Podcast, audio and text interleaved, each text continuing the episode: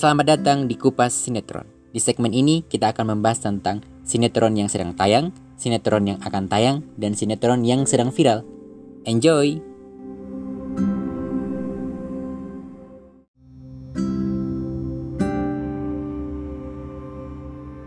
Dari jendela SMP, sinetron yang sedang tayang di SCTV dan sedang viral menjadi hangat diperbincangkan oleh masyarakat karena kontroversi dengan judulnya.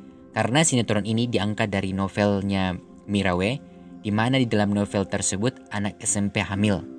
Maka ini menjadi kontroversi bagi banyak masyarakat mem mempertanyakan bahwa sinetron ini kurang layak ditayangkan di televisi karena kurang mendidik. Tetapi kalau kita nonton sinetronnya, memang di awal sinetron tersebut memang konfliknya agak rumit ya.